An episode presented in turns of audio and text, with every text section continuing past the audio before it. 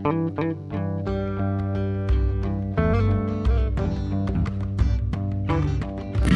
six point one Geronimo Real Son of Jogja. Assalamualaikum warahmatullahi wabarakatuh. Apa kabar kanca muda?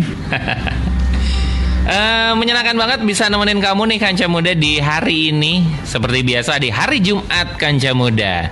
Kita ketemu di Sasi Soma Sana sini soal agama.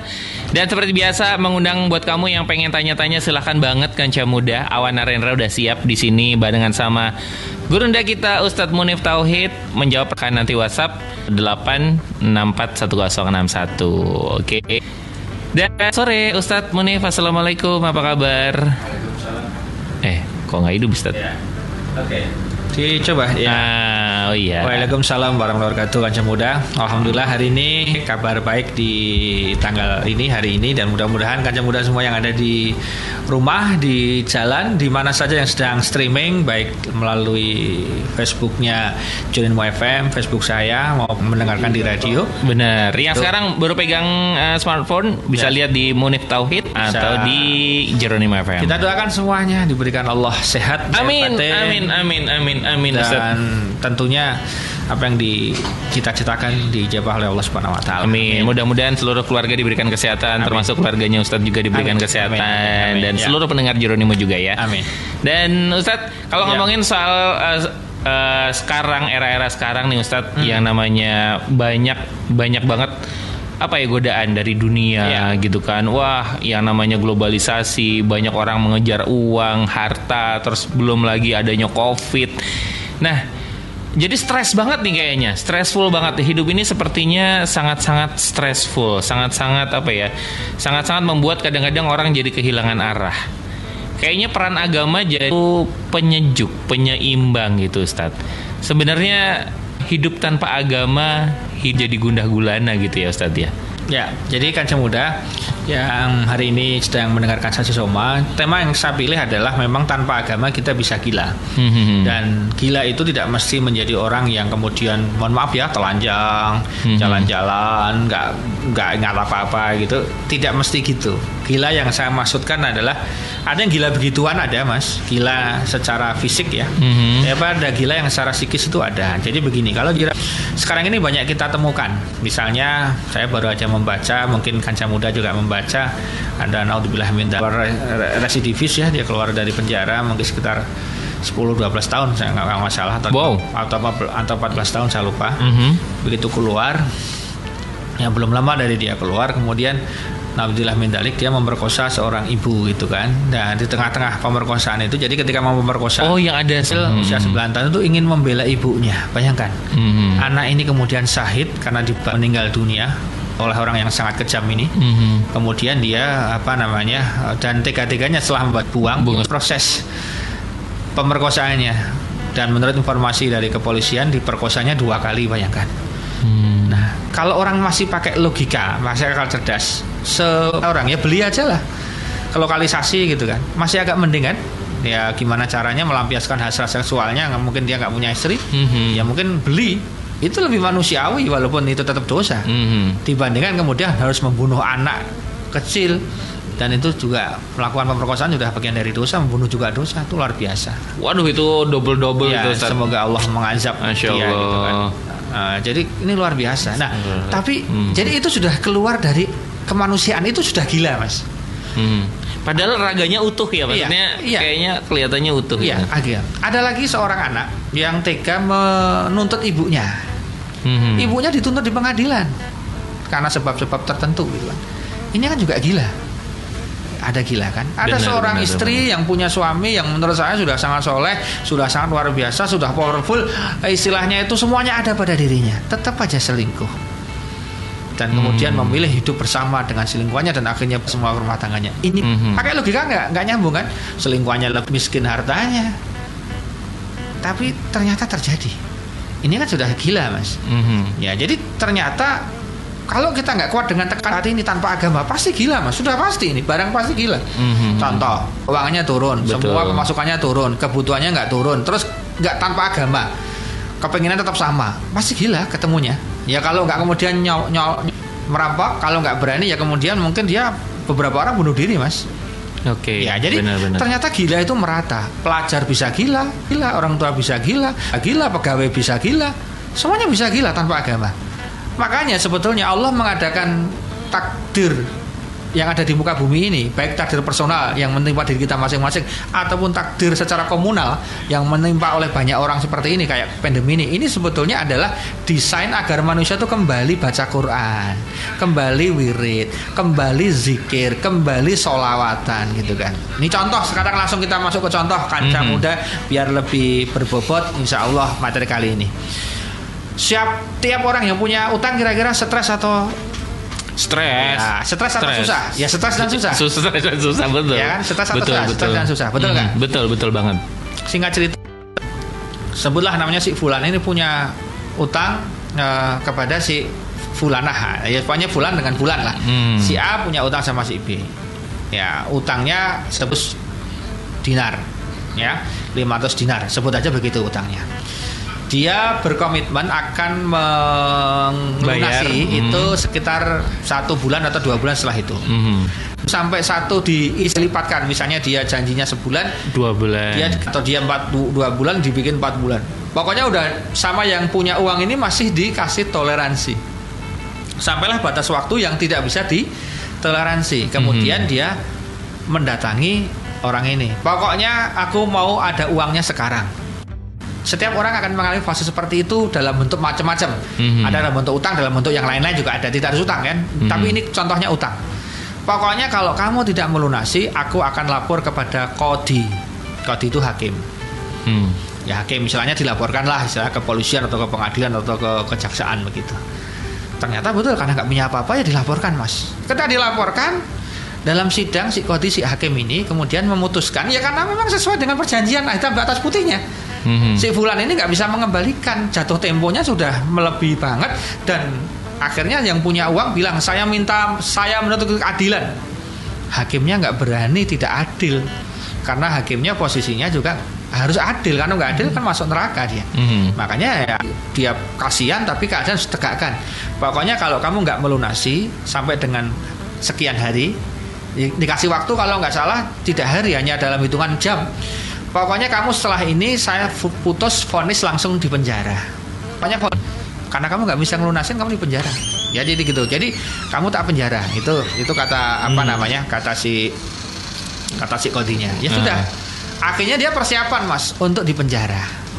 Ketika dia posisinya apa namanya eh, sudah divonis mau masuk ke penjara begitu eh, dia minta ya kodi izinkan saya untuk bisa pulang terlebih dahulu lo kenapa pulang ditanya Kan mau di penjara nih. kan di gitu. penjara belum izin sama istriku aku belum ngomong sama anak istriku lah gimana Oh. kalau aku nggak ngomong sama istriku anak aku nanti kasihan oh nanti kalau kamu tak lepas kalau kamu tak lepas Nanti kabur. nanti gitu. kamu kabur ini Hmm. kejadian ini diceritakan soheh sunnah atau hadis. Tapi disohkan oleh Wikipedia.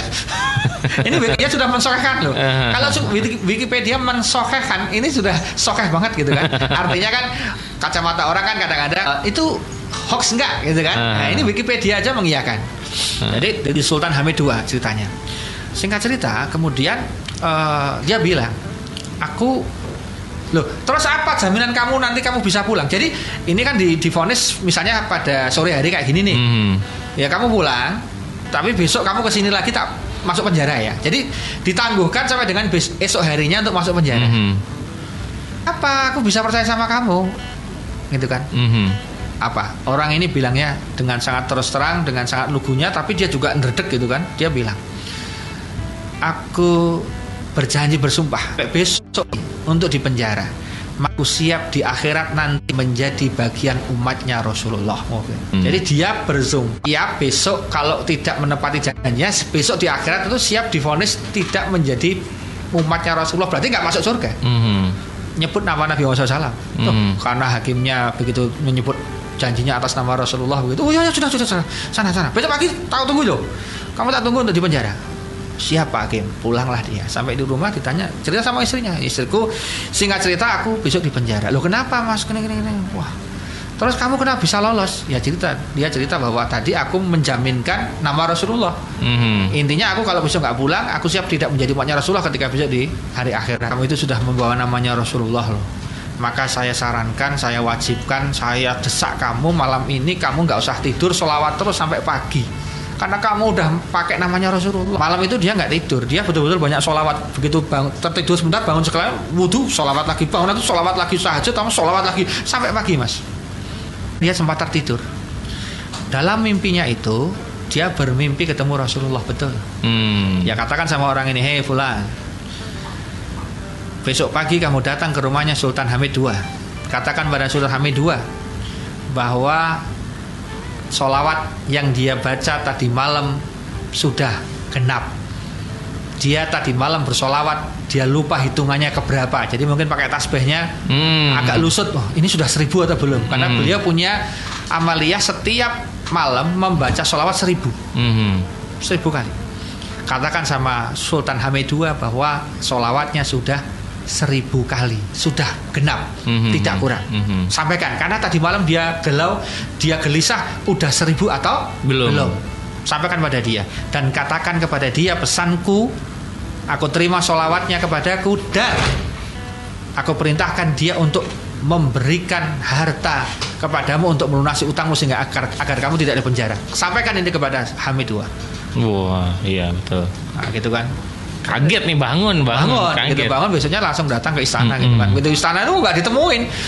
Langsung bilang saya ada pesan khusus. Dari Rasulullah sampaikan kepada raja nggak bisa udah kamu mintanya apa? Tak kasih uang aja sana pergi sana. Nggak mau. Sampai akhirnya mau nggak mau sih penjaga ini bilang kepada raja ya, raja ada orang kelihatannya orang gila ini. Katanya ada pesan dari Rasulullah untuk untuk panjenengan. Loh begitu dengar nama Rasulullah suruh masuk suruh masuk. Siapa orang itu? Hmm. suruh masuk karena hmm. begitu dengar nama Rasulullah itu dia langsung suruh masuk. Masuk masuk. Betul disuruh masuk gitu kan. Wahai kisana ada apa? Ya Sultan Hamid II aku tadi malam bermimpi ketemu Rasulullah Rasulullah berpesan kepadaku katakan kepada Hamid kepada Hamid kepada Hamidku katanya. Apa? Ulangi lagi.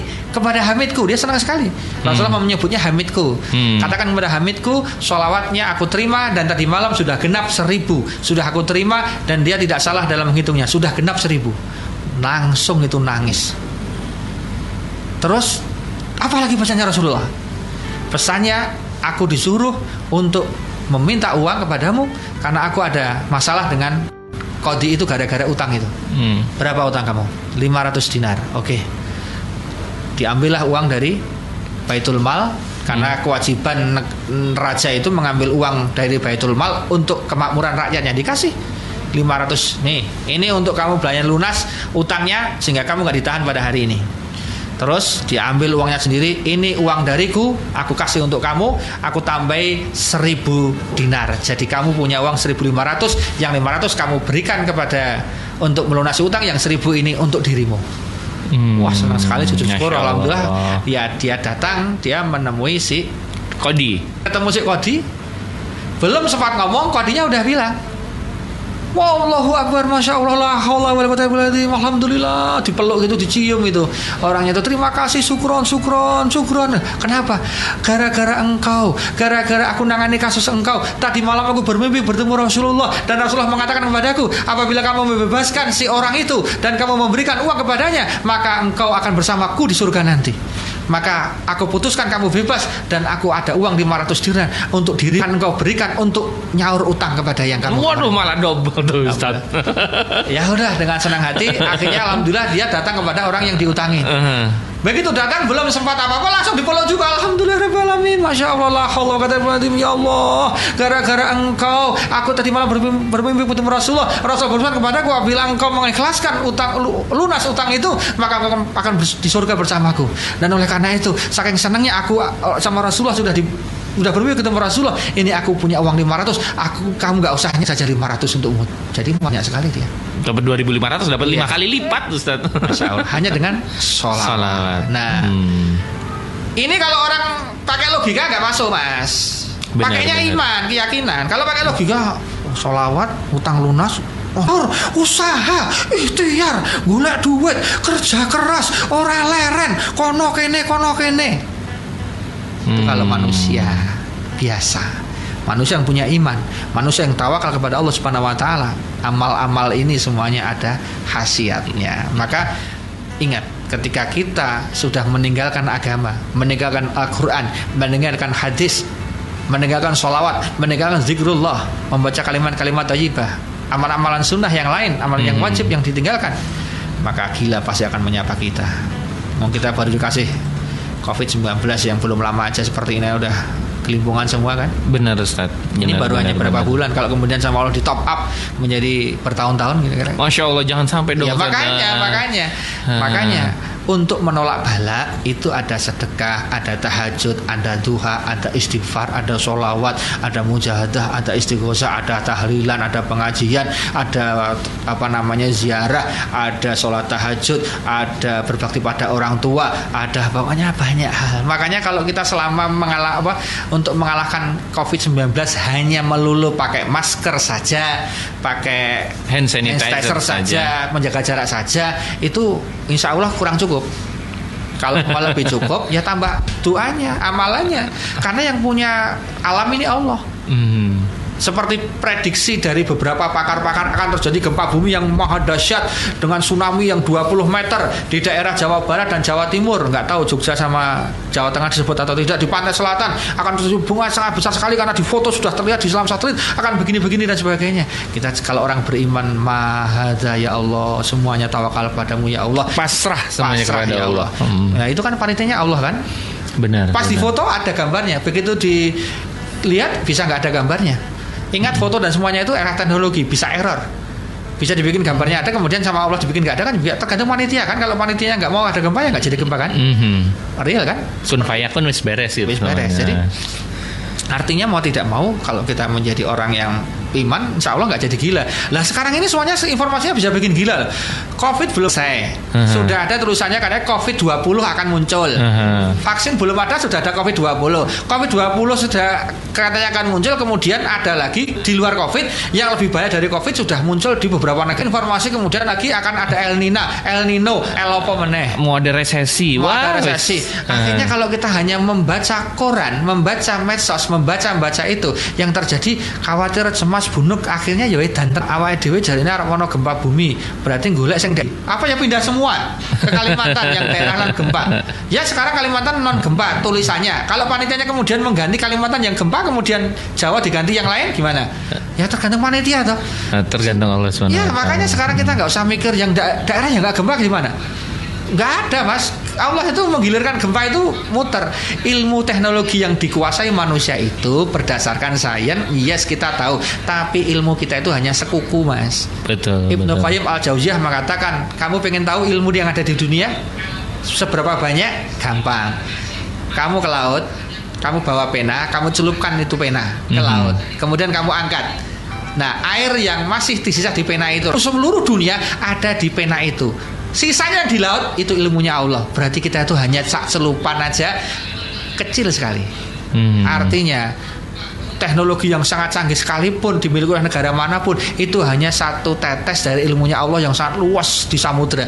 Bayangkan Ibnu Qayyim mengatakan kamu celupkan itu pena ke laut, kamu angkat sisa air yang masih nempel di pena. Itulah ilmu semua yang ada di dunia. Wirana taceng itu titik banget. Ya titik banget. Makanya jodoh gaya jangan jangan sombong. Uh. makanya sekarang sudahlah kita harus ke agama lagi. Kembali ke agama. Mungkin selama ini kita itu terlalu buru-buru, buru-buru makan, buru-buru minum, buru-buru berhubungan badannya aja buru-buru sekarang. Mm-hmm. Semuanya buru-buru, sholat aja buru-buru. Yang nggak mau buru-buru cuma matinya nggak pengen buru-buru, tapi yang lain buru-buru semua. Pertanyaannya Ustadz, ya uh, bagaimana kita memulai untuk mendekatkan diri lagi ke agama ketika selama ini mungkin kita sudah terlalu jauh terhadap agama. Apa sih yang harus dilakukan pertama kali?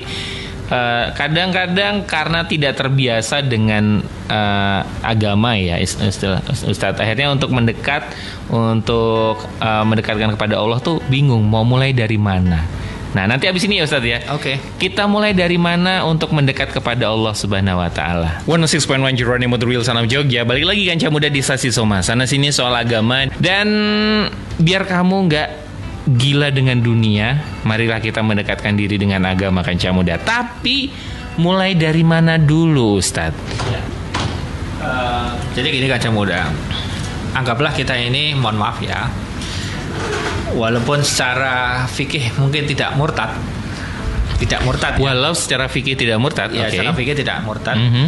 Anggaplah Anda ini seperti orang kemudian kafir atau jatuh keislamannya atau murtad secara halus. Hmm. Karena bisa jadi selama ini kita itu eh, nggak percaya pertolongan Allah, nggak percaya dan Islam, Mhm. meremehkan pesannya Rasulullah, Hmm. meremehkan pesannya alim ulama. Itu sebetulnya adalah menjatuhkan diri kita dari Islam itu sendiri. Tanpa sadar ya, gitu ya. Istilahnya kalau bahasa saya itu adalah eh, syirik halus atau murtad halus gitu kan.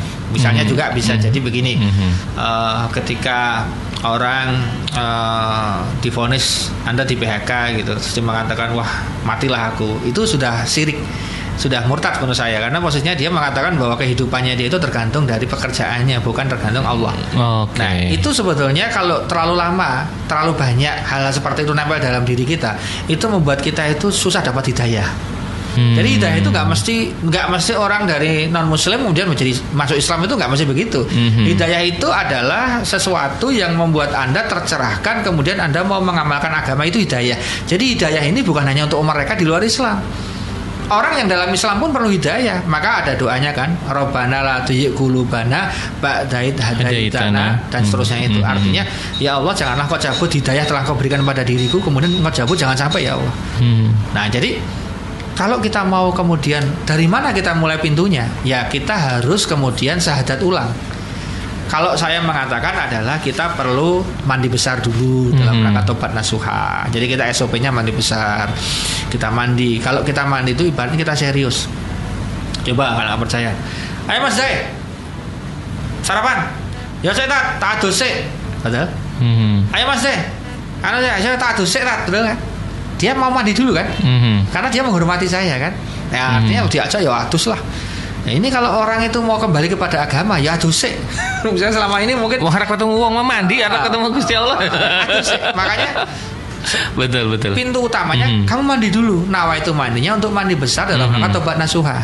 Nah setelah mandi besar kemudian anda sholat dua rakaat namanya sholat taubat Mhm. Nah, sholat tobat ini mentobati semua dosa yang telah nempel pada diri kita selama ini. Oke, dosamu kecil, tapi sering setiap hari dua, empat, tiga, lima kali, ya jadi besar juga dalam satu bulan, Mhm. apalagi bertahun-tahun. Maka kemudian tobat nasuha. Nah, pas tobat nasuha sudah nanti dilakukan SOP-nya, ada istighfar dan komplit, di situlah ada syahadat ulang. Bersaksi lagi kepada Allah. Siapa Hmm. tahu dulu ada kebatalan sedikit, ke- istilahnya bocor alus kalau istilah saya, Hmm. bocor alus. Jadi imannya itu bocor alus, syahadatnya itu bocor alus. Lo contoh, hei Rasulullah itu anu loh, kalau pipis mengajarkan duduk loh. Ane kamu matuk juga ngopo, efeknya opo? Itu kan sama aja dia sedang ngomong. Ah.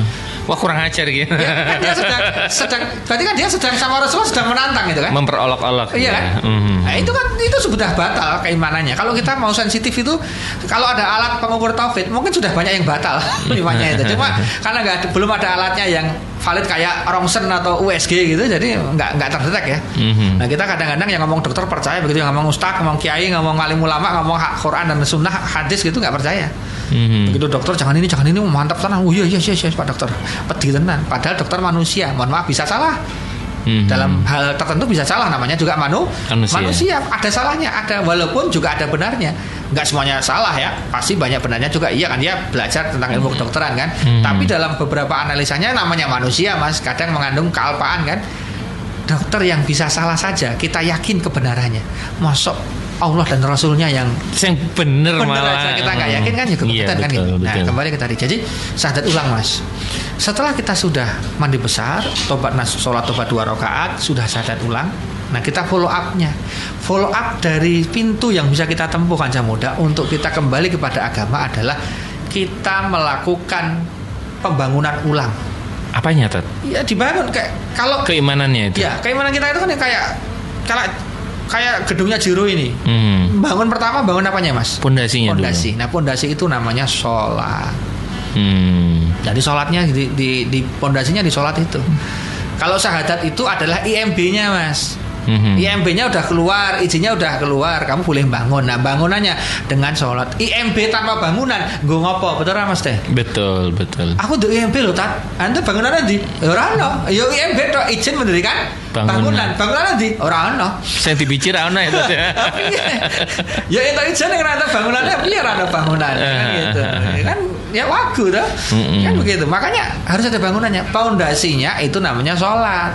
Hmm. Nah selama sholat kita yang lima waktu belum beres, mohon maaf kita nggak bisa yang namanya pakai rooftop, nggak bisa, nggak bisa masang jendela, masang AC.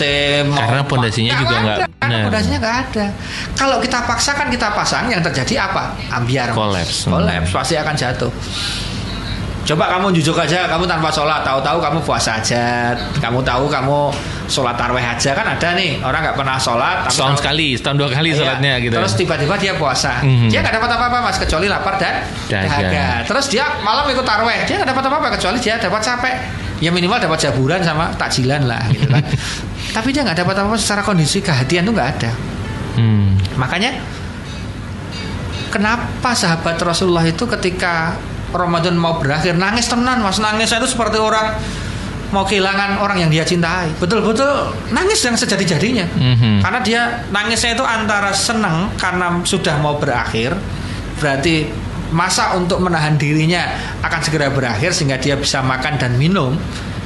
Tapi masa itu berakhir dia kemudian tidak rela karena berakhir pula keajaiban-keajaiban doa berakhir pula pelipat gandaan pahala amal soleh gitu loh mas. Mm-hmm. Nah sehingga dia kemudian menjadi nangis gitu kan.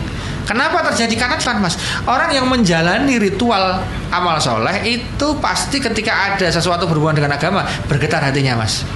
Hmm. Coba orang Muslim yang serius melaksanakan amal soleh begitu dengar adzan dia mesti akan minimal dia mematikan atau mengecilkan volume yang lain kemudian dia dengarkan betul. Atau kalau dia sedang di jalan ya dia kemudian tetap menikmati adanya, kemudian dia jawab adanya walaupun sedang berkendara. Hmm. Itu terjadi. Apalagi orang pas Ramadan dengar takbir itu wah itu, itu rasanya luar biasa. biasa. Nah, hmm. kembali ke tadi. Jadi kita kalau mau pondasinya kemudian sholat. Nah, ternyata rumah itu kalau hanya pondasi tak ya tidak jadi rumah. Hmm. Mas aku tak dalam rumahmu aku di Ya sing pondasi lho, kuwi dudu omah Mas Teh. Kuwi hari pondasi. Kuwi pondasi dudu omah Mas Teh. Dadi nek kita pengen salat rok, aslinya kita itu belum punya rumah. Kita hmm. hanya punya pondasi. Ya tetap lumayan daripada nggak punya apa-apa, tapi itu belum sempurna. Makanya kalau orang sholat wajib tok itu hidupnya garing, Mas. Hmm. Serius hidupnya garing. Makanya orang yang sholat wajibnya benar, dia pasti pengen segera menaikkan levelnya. levelnya dari dari tadi pondasi dia pengen nembok naik ke atas hmm. itulah namanya amalan sunnah ada namanya tahajud ada namanya duha ada namanya rawatib ada namanya puasa dan sebagainya nah kalau nanti sudah berdiri mas dia kalau sudah nanti berdiri bagus berarti amalan sunnahnya udah mendukung mas Mm-hmm. Sholatnya tidak hanya sholat wajib toh, ada sunnah. Meskipun sunnahnya belum sampai dua-duanya dilakukan, misalnya kadang tahajud, kadang duha, atau duha toh tahajudnya jarang-jarang tapi duhanya rutin. Hmm. atau duhanya yang enggak jarang-jarang tapi tahajudnya rutin begitu. Atau rawatibnya yang rutin. Pokoknya harus saling melengkapi. Pokoknya itu kalau pengen cepat berdiri maka semakin kamu pengen segera gagah menghadapi kehidupan ini sukses maka cepatlah melakukan semua amal sunnah ini dengan dengan segera. Nanti cepat bangunannya berhasil. Hmm. nah kalau sudah begitu mas kalau amalan sunnah tadi kan ada namanya sholat sholat-sholat sunnah. Benar. Kemudian ada puasa, puasa sunnah. sunnah. Nah, itu posisinya dia sedang membuat rumah yang kira-kira sudah bisa dihuni, Mas.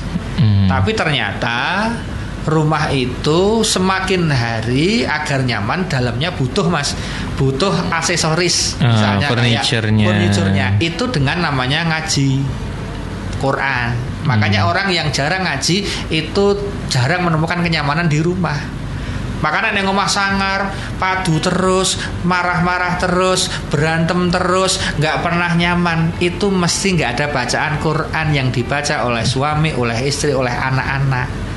Makanya hmm. rutinkan di keluarga Anda, keluarga panjenengan semua membaca, membaca Quran. Quran. Ustadz, mohon maaf sekali saya suami belum bisa baca Quran, istri juga belum bisa, anak baru TPA belum bisa Quran. Gimana Ustadz? Ya minimal kamu habis maghrib setel MP3 bacaan Quran. Quran. Kamu dengerin juga dapat pahala. Hmm. atau kalau kamu memang kadang-kadang kepengen tetap dapat aksesoris yang bagus dalam rumah kalau ada pengajian keliling darusan kamu ngundang ke rumah kamu jadi tuan rumah kamu sediakan snack konsumsinya sehingga di situ ada bacaan Al-Quran.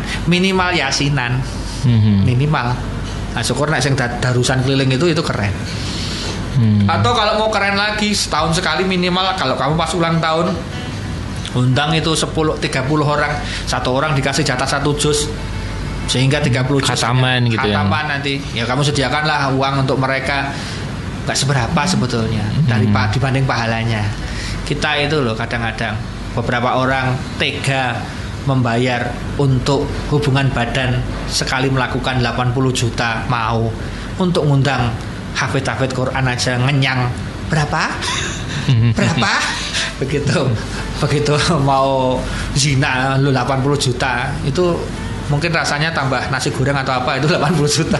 Itu mungkin aja kan kok mahal sekali ya. Mm-hmm. ini aja untuk bayar ustadz badar kiai aja. Tapi tinggal biaya rapi sih renot makanya itu makanya itu.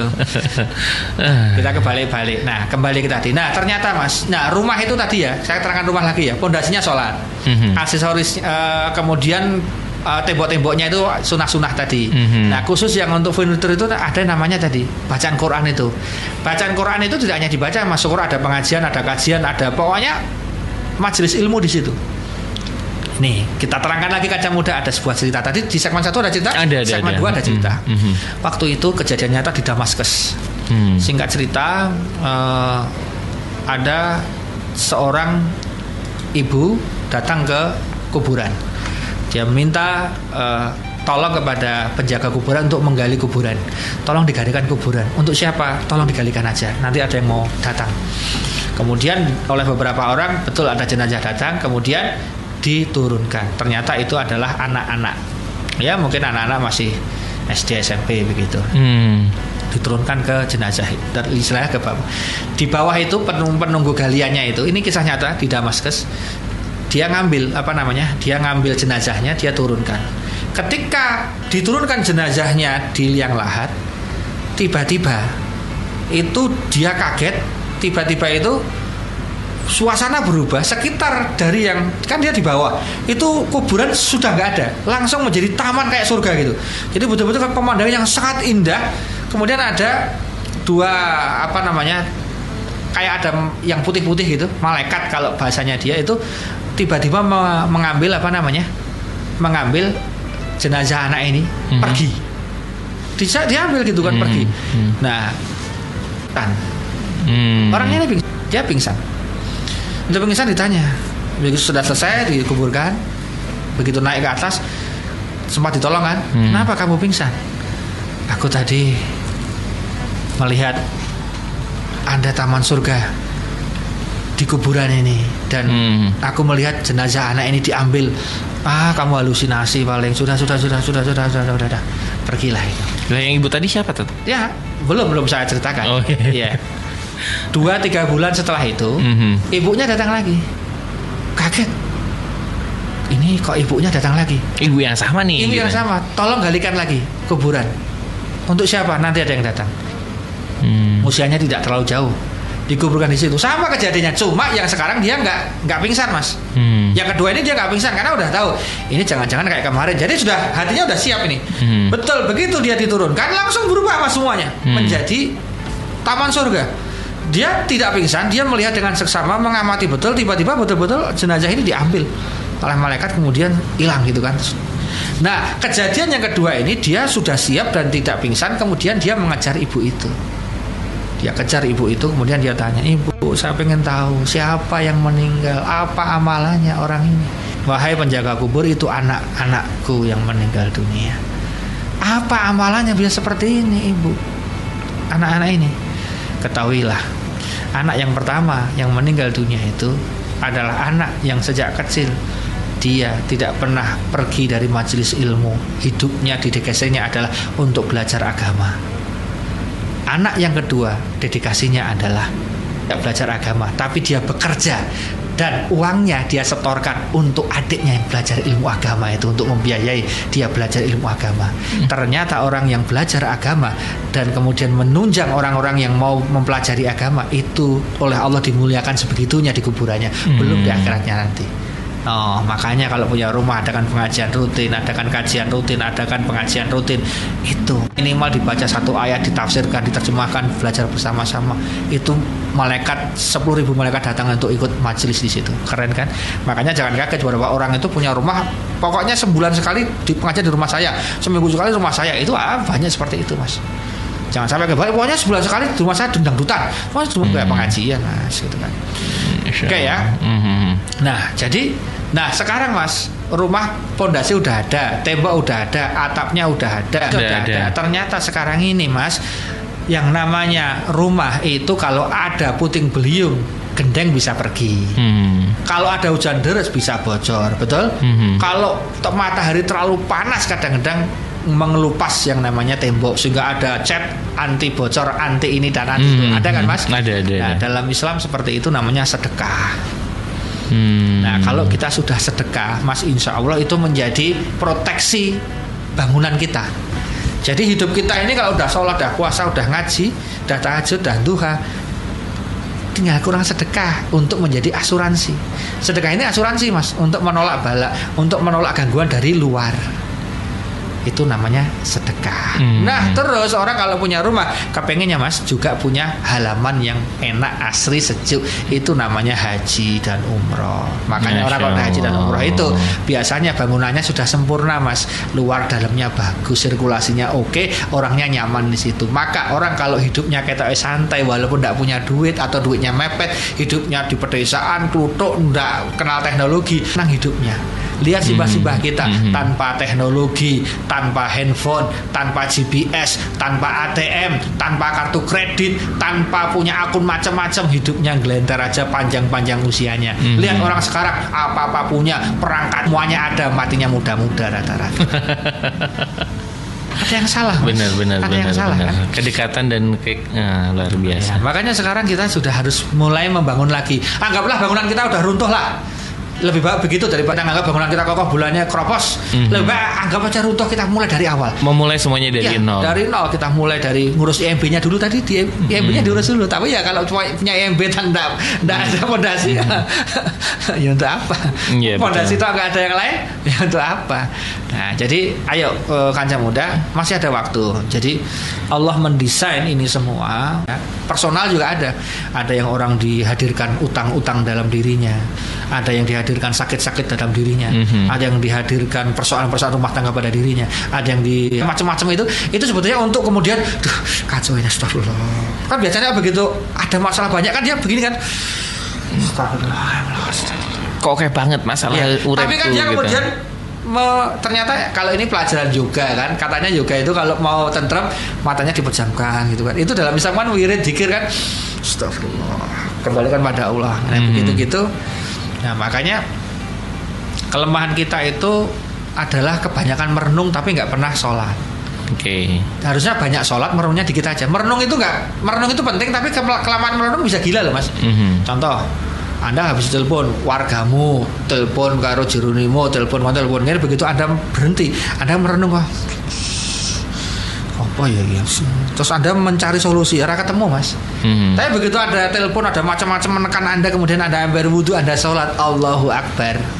Wis ayam ya minimal kemudian tiba-tiba Allah ngasih ya kalau Nabi namanya wahyu atau ilham. Hmm. kalau orang-orang beberapa orang mengatakan karomah atau keramat, mm-hmm. inspirasi, mm-hmm. ya, ide, gagasan itu sangat anu banget apa, sangat liberal ya kalau istilah kita itu mendapatkan ya insight. Wisik. Nah, Kalau orang Jawa mengatakan wisik, wah aku untuk wisik. Sebetulnya wisik itu adalah petunjuk dari Allah, dihembuskan lewat hatinya. Sabar, iki ngene, kue ngene, kan gitu ada. Nanti ada waktunya begitu. Nah, orang-orang yang jarang dapat insight, dapat jarang dapat wisik, jarang dapat ilham atau karomah. Itu pasti orangnya itu nggak pernah connect ke Allah. Atau kalau ada masalah connectnya ke orang bukan ke Allah. Mm-hmm. nanti begitu ada masalah itu harusnya kita coba mas kita biasakan begitu kita ada masalah itu jangan merenung. Kalau merenung itu masih tambah bingung. Iya ya iya hmm, berarti Ya ketemu janjian itu bingung sih. Artinya Anda itu sudah tahu. Ibarat orang catur Mas. Orang itu sudah tahu sebetulnya. Hampir semua orang itu ketika punya masalah dia tuh seperti orang yang catur sudah tahu ini bakal remis kira atau menang atau kalah itu dia sudah tahu mm-hmm. maka yang dibutuhkan bukan masalah teknik tekniknya tapi yang dibutuhkan adalah pertolongan Allah maka begitu kita punya masalah sholat mm. wirid dikir sholawat ngaji minta sama Allah itu yang penting nanti kan Allah memberikan insight memberikan ilham, memberikan wisik, memberikan petunjuk atau apa, apa macam. Nanti tekniknya itu bisa jadi tidak sesuai yang kita bayangkan. Tiba-tiba ada orang nolong. Seperti film itu loh, Mas. Kita kalau lihat film kan sering sekali Wis sudah di depan mata mau di tembak tiba-tiba tiba-tiba ada yang nembak mm. orang lain nembak mm-hmm. kan nggak pernah terpikir kan mm-hmm. ada sutradaranya kan mm-hmm. itu film aja ada sutradaranya hidup ini ada sutradaranya dan itu adalah Allah SWT dan itu Allah SWT maka kita jangan terlalu naif lah terlalu baju ini kok ini ah, itu kan kita Allah itu maha segalanya bisa ngatur semuanya tapi Ustaz hmm. eh, yang menjadi pertanyaan berikutnya adalah ketika kita membangun rumah kita yep. dengan amalan-amalan itu termasuk halamannya rumah itu butuh perawatan Ustaz. Ya. Rumah itu juga uh, butuh dipotongnya rumputnya gitu kan. Nah, terus dirawat biar tetap bagus. Caranya gimana Ustaz? Ya, makanya ada namanya silaturahmi, kemudian ada ziarah, kemudian ada berbakti pada orang tua, mm -hmm. walidain itu untuk merawat.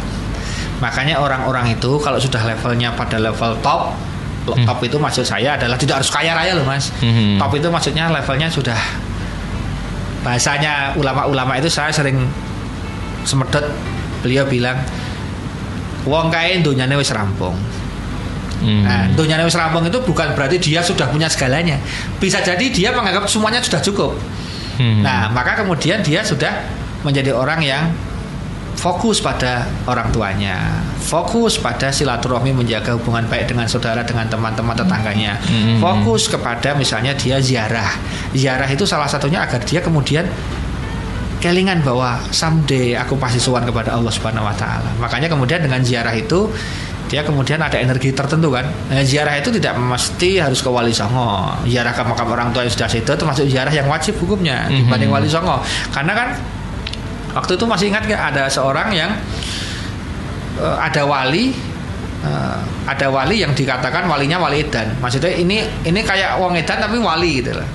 Makomnya itu wali kayak wali songo gitu kan. Hmm. Kemudian ada ada orang datang, wah saya saya minta petunjuk ini oh, untuk apa engkau kan wali doakan saya saya agar saya hidupnya berubah oh, wali. Kue itu kamu itu punya wali yang lebih hebat daripada wali songo lebih hebat dari saya. Kamu punya umum siapa teman? Ya itu hmm. walimu itu artinya wali murid atau wali orang tuamu itu wali yang sesungguhnya.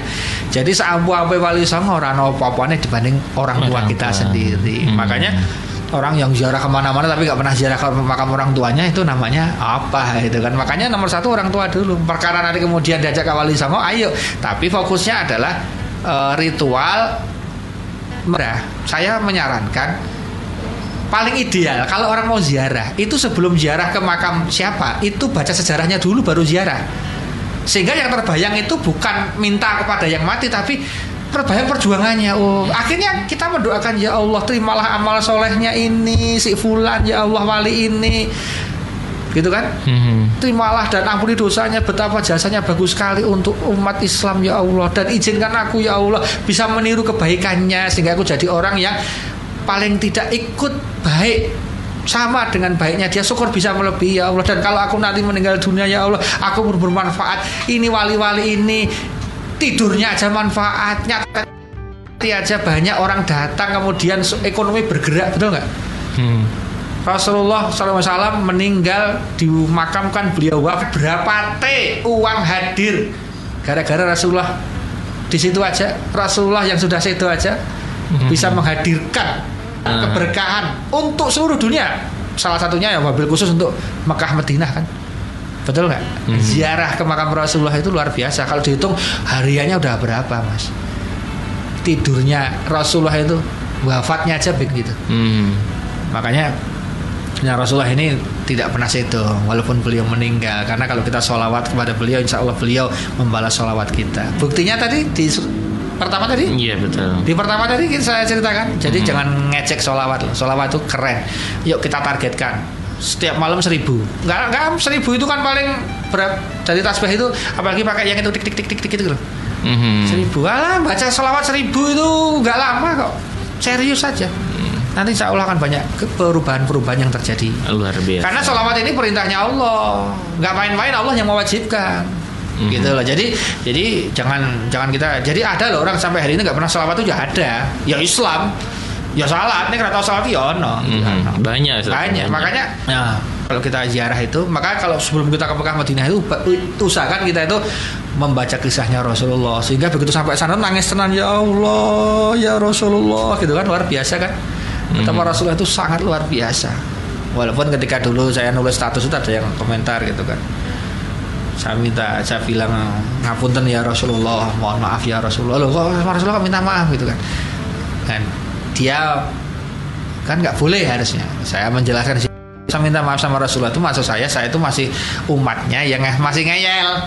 Umatnya yang kadang-kadang masih melanggar sunnahnya gitu loh. Mhm. maksudnya minta maaf karena artinya begitu. Dan insya Allah sampai karena beliau itu tidak wafat. Beliau itu masih hidup gitu kan. Karena orang-orang karena dalam Quran dikatakan jangan orang yang soleh soleh orang yang mati sehat itu mati. Enggak. Dia masih hidup. Malah ada yang di beberapa itu yang dibongkar makamnya masih utuh semuanya Rak, darah darahnya suhada itu masih ada darahnya di situ Mhm. geger kan nah itu sudah rahasia ilahi makanya sekarang fokus kita bagaimana membuat bangunan diri kita ini menjadi bangunan yang betul-betul apa namanya ya ya, jadi bangunan yang baik ya yang Ustaz. baik ya. Allah Jadi Akbar. makanya sebetulnya murah kan. Coba amalan apa yang saya sebutkan tadi yang mahal? Insya Allah nggak ada. Umur haji aja kalau kita serius minta pada Allah nanti bisa gratis kok. Allah Akbar. Amin. Ya, Makanya amin, kita nggak usah jadi orang yang berarti kan pakai uang semua. Nah kalau kita apa-apa mata duitan ya nggak jalan mas. Sholat makanya maha besar Allah yang telah mewajibkan amal-amalan itu hampir tanpa biaya semua mas. Sholat nggak pernah ada retribusinya, nggak pernah ada uang Hmm. pendaftarannya. Betul? Kita per sholat nggak pernah ditarik sama Allah. Sholat sholat aja gratis, puasa gratis. Ya ayyuhalladzina amanu kutiba alaikumusiyam ya orang beriman puasalah diwajibkan kamu berpuasa tidak ada tambahnya kan sebelum puasa bayar dulu ya sekian real sekian dirham sekian dinar nggak ada gratis mas gratis solawat gratis wirid gratis semuanya gratis Mudah-mudahan kita menjadi Ya. eh, orang-orang yang dekat dengan Allah Subhanahu wa taala. Amin. Mudah-mudahan Amin. kita juga Amin. diberikan kemudahan, keringanan hati Amin. untuk bisa melaksanakan apa yang diperintahkan oleh Allah Subhanahu wa taala. Amin. Terima kasih Ustadz. Ya, Terima kasih amin. banyak. Eh, sangat menginspirasi sekali. Mudah-mudahan wah pokoknya yang penting kita mencoba dulu ya Ustadz ya. Ya, ya, Usaha dulu mencoba dari apa yang bisa kita lakukan pertama kali. Tadi bangun IMB-nya kembali kita bersyahadat, kemudian melakukan apa yang bisa kita lakukan pertama kali ya sholat itu tadi dan kemudian ditambah dengan ibadah-ibadah lainnya. Selalu semangat Kanca Muda. Mudah-mudahan menjadi pribadi yang lebih baik. Terima kasih sekali lagi Ustadz Munif Ya. Tauhid. Awan Narendra pamit. Terima kasih Kanca Muda yang ada di yang memantau via streaming. Terima kasih Hairul Kalam. Wassalamualaikum wabarakatuh. Waalaikumsalam warahmatullahi wabarakatuh